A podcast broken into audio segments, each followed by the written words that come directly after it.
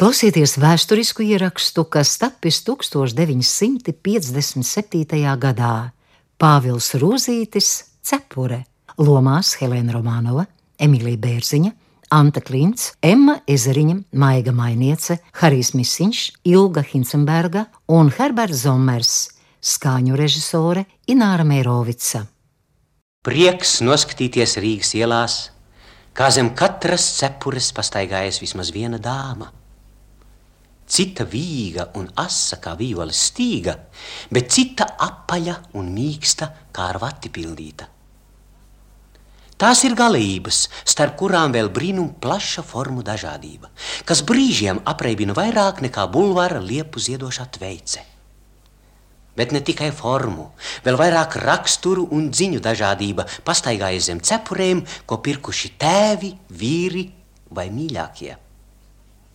Vispašmīļākie cepuri pircēji tomēr ir vīri, un tādēļ viņi ar visvairāk tiek krāpti. Viņi pērk cepures, lai priecātos par savu sievu daļumu un lai lepotos citu priekšā. Lai sieva ar savu cepuri par Rīgu iznēsētu vīru turības slavu un veikalu labo stāvokli. Jo lieltirgotāji vai ministra kundzei ir uzkrītoši greznāka cepuri nekā sīkbodnieka vai kanclejas reģistratoru sievai. Bet visas sievas un kundzes zem cepuriem no saviem vīriem slēpj slepenās domas un iegribas. Ja nebūtu cepures, kur apstāties un paslēpties, varbūt šie tvaiki kā apgrēcības gredzeni mirdzētu ap dievināto galvām.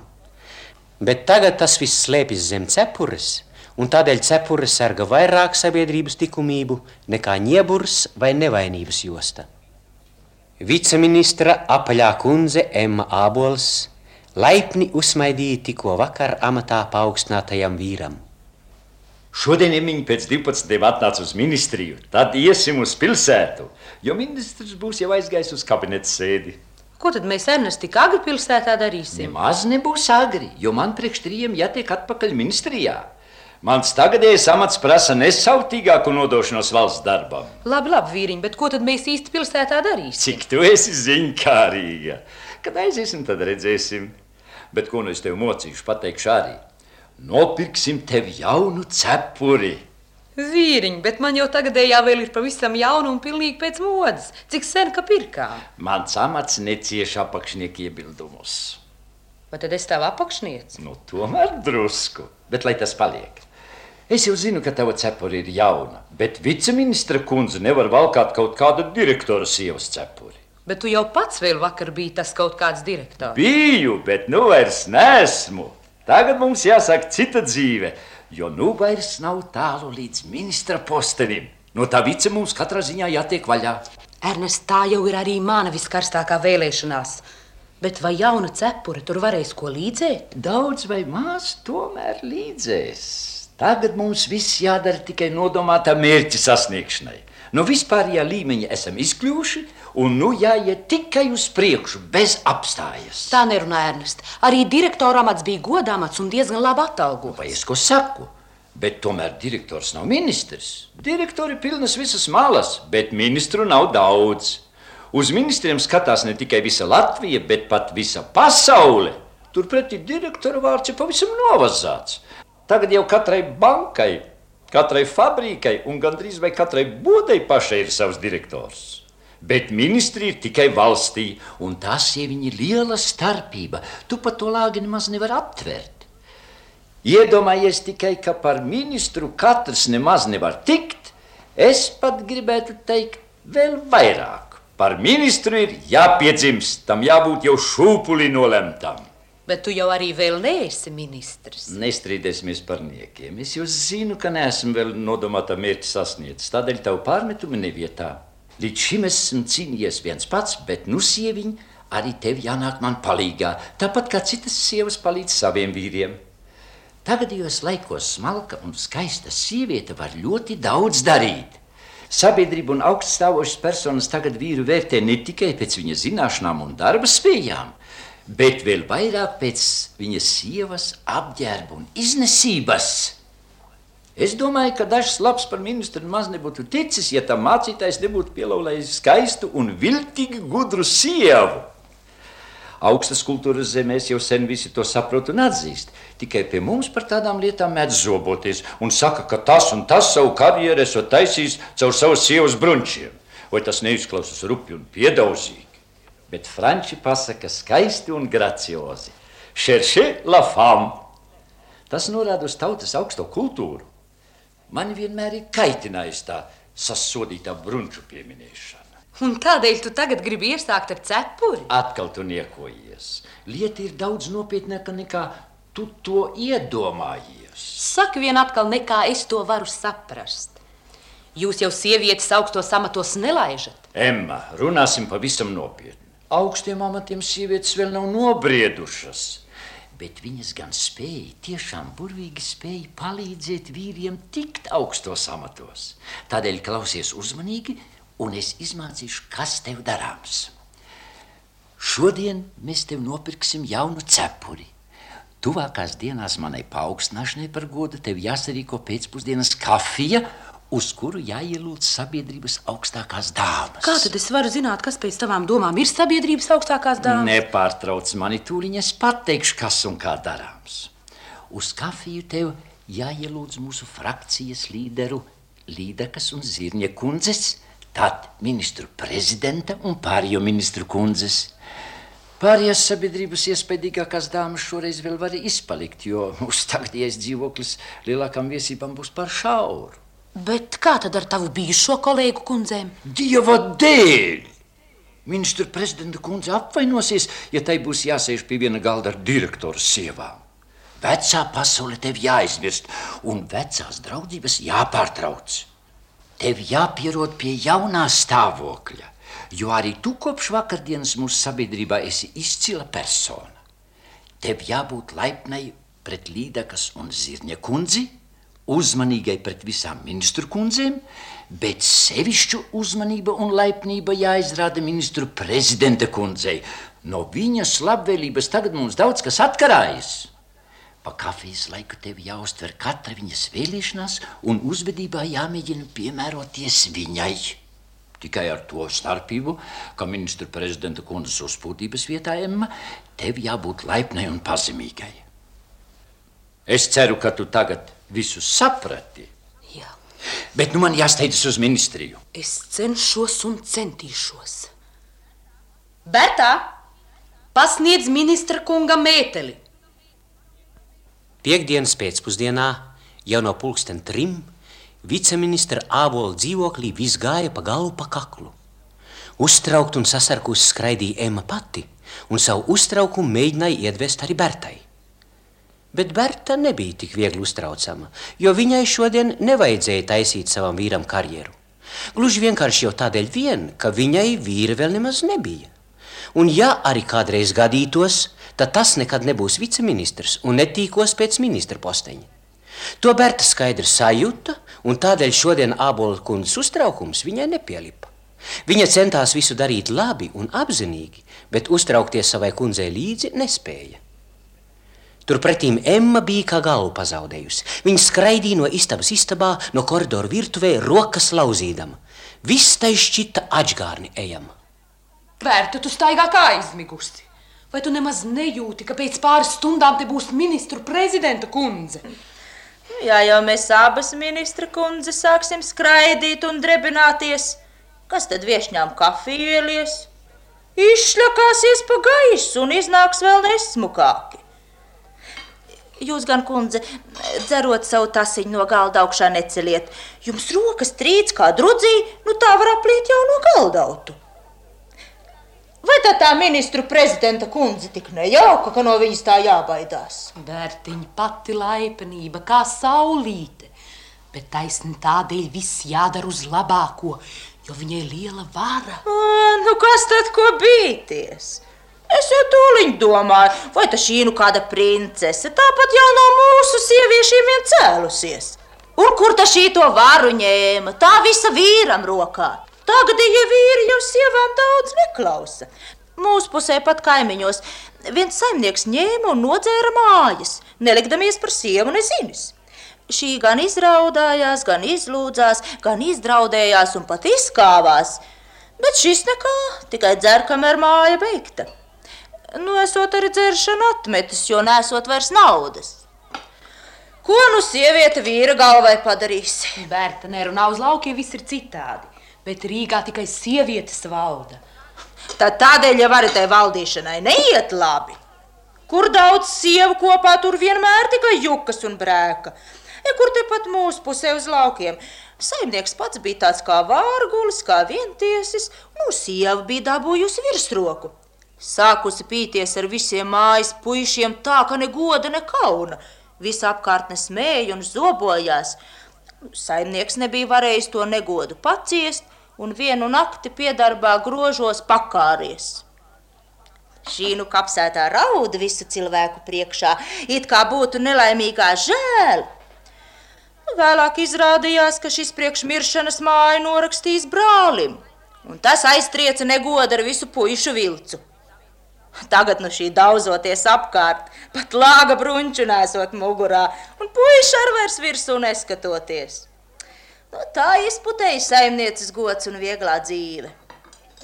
Es saku, ka arī Rīgas sievietēm savas miesas kārības vajag savaldīt, jo nav tik bagāta vīra pasaulē, ko trakas sievietes nevarētu izputināt. Bērta, tu mani traku pataisīsi. Uz laukiem dzīvo prasti ļaudis, un tie arī visas lietas rupji izdara. Bet Rīgā smalkā sabiedrībā tas ir pavisam citādi. To nu kundze man nesakait. Smalks vai prasts cilvēks, bet negods visiem ir vienāds. Lauku sievietes vēl vairāk prot savaldīties par tās augtām Rīgas smalkajām. Diezgan, Berta. Es vairs negribu tavos pātros klausīties. Ej uz virtuvi un pielūko, ka cepumi neapdeg. Uz kafiju pirmās ieradās Līdakas un Zirņkundzes abas kopā. Emma saņēma viņas laipni, censdamās atminēt vīru norādījumus. Viņa izteica prieku, ka abas līderkundzes draudzīgi turas kopā. Uz to viesistabā ieejot, Līdaks kundze gudri, kā emu pamācīdama, atbildēja. Vienādi domājoši vīri sievām savā starpā jādraudzējas. Tas vīru politiku padara viengabalaināku un noteiktāku. Vīriem sabiedrības domu un valsts likteņi jāveido saimā un valsts amatus pildot. Bet mums tas ir jādara ik uz soļa. Uz mums sabiedrība skatās vēl vairāk nekā uz mūsu augststāvošajiem vīriem. Pie mums redz katru sīkumu, un ko vīram piedotu, to mums sabiedrība nepiedos nekad. Pirmajām viesņām drīz vien sekoja ministra kundzes, dažas kopā, dažas atsevišķi. Tādēļ Emmai nebija vaļas kavēties istabā, jo viņai bija jāsaņem atnācējas. Viesistabā palikušās varēja izteikt savus spriedumus brīvi un netraucēti.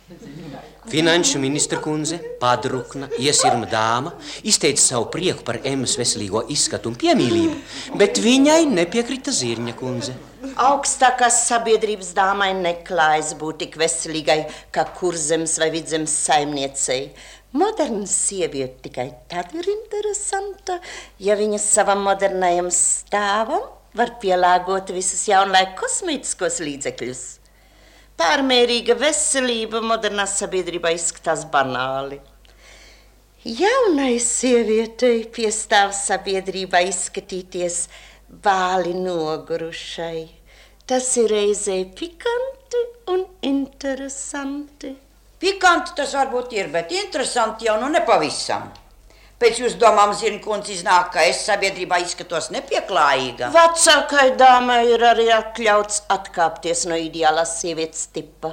Vēl sevišķi tad, ja mati jau metas sirmi. Es jau ar savus matus varu nokrāsot, un, ja gadus paskatīsimies, tad uh, mums būs jārunā cita valoda. Finanšu ministra kundze būtu vēl daudz runājusi, ja tanī mirklī nepavērtos viesistabas durvis un neienāktu visu dāmu gaidītā ministru prezidenta kundze. Tagad visu valsti valdošo vīru sievas bija viena vieta, un varēja sākties kafijas dzeršana. Kā visas dāmas ar cepuriem galvā iegāja viesistabā, tam Emma sevišķi svērības nepiegrieza. Bet, kad ministru prezidenta kundze arī darīja tāpat, tad Emma to uzreiz ievēroja. Kaunīgi aizbildinādamās viņa izteicās koridorā, lai dotu Bertai dažus norādījumus, bet galvenais, lai uzliktu sev jauno cepuri galvā. Ministra prezidenta kundze taču sēdēs pie kafijas ar cepuru galvā, un Ernests pieteica darīt visu tāpat.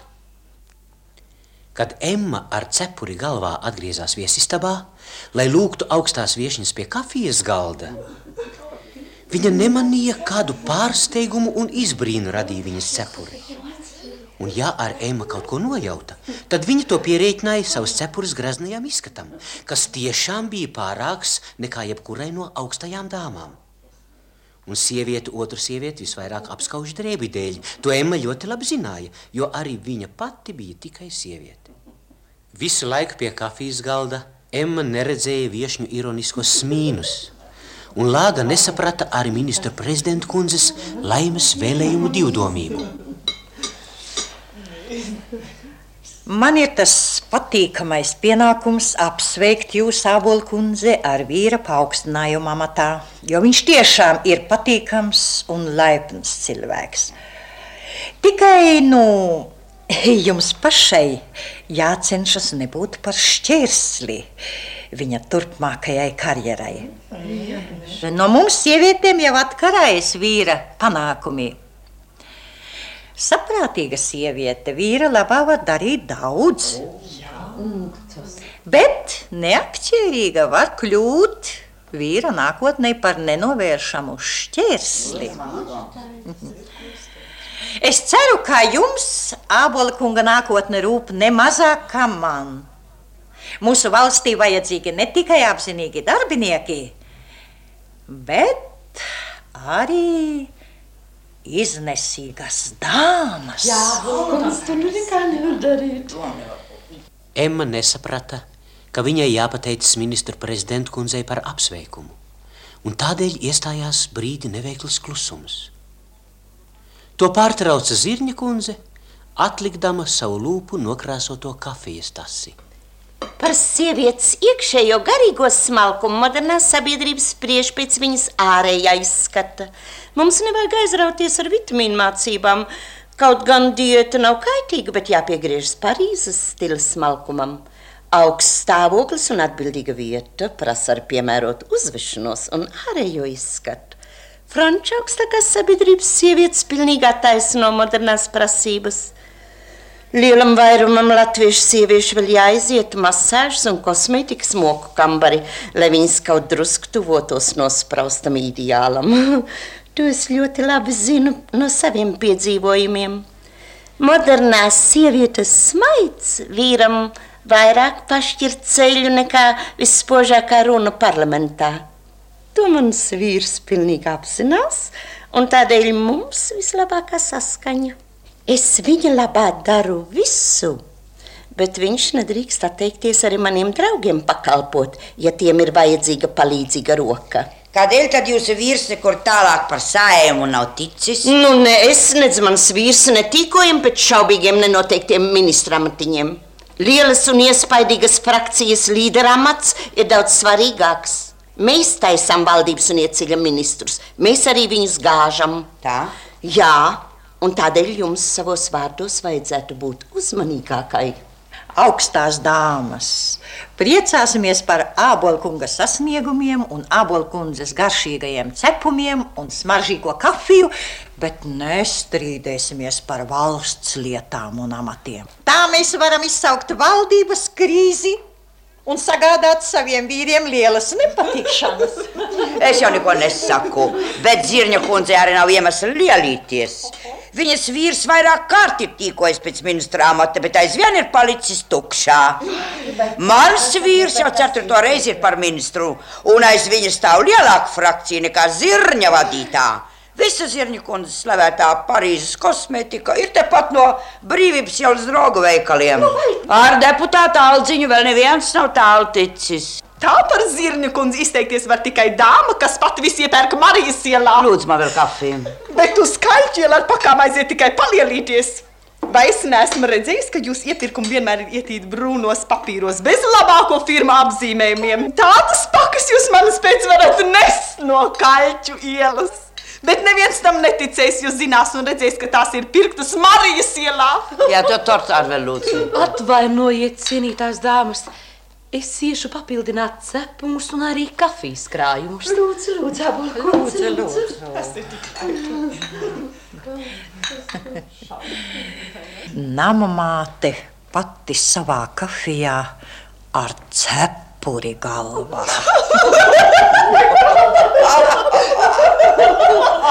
Es jau teicu, ka viņa prasta un neprot uzvesties. Tas jāliek nama mātei matī. Nu, taču!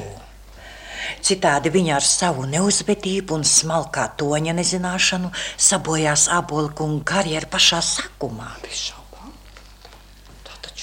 Lūdzu, manas dāmas, gluži karsta kafija. Ministra prezidenta kundze, drīkst jums ieliet? Labprāt! Man arī lūdzu. Lūdzu, Lūdzu, man ar. lūdzu. Pateicos. Ļoti lepni.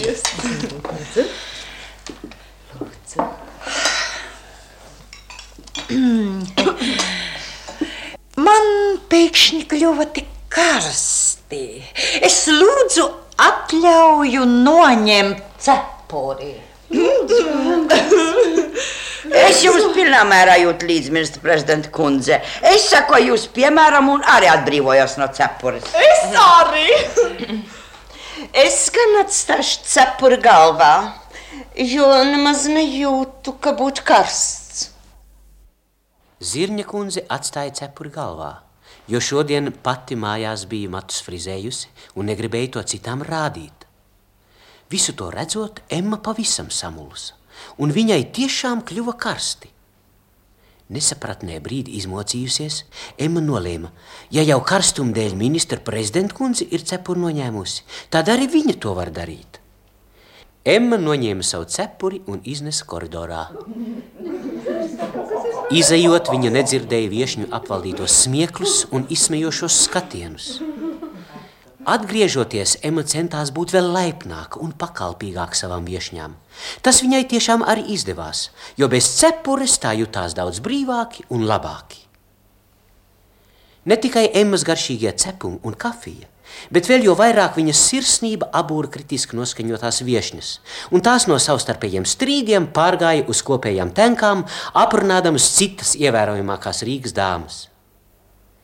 Tenkojot, viesņas gandrīz pilnīgi aizmirsa Emmas neveiksmi ar jauno cepuri un atminējās to tikai uz ielas, kad no Emmas bija tiešām sirsnīgi atvadījušās.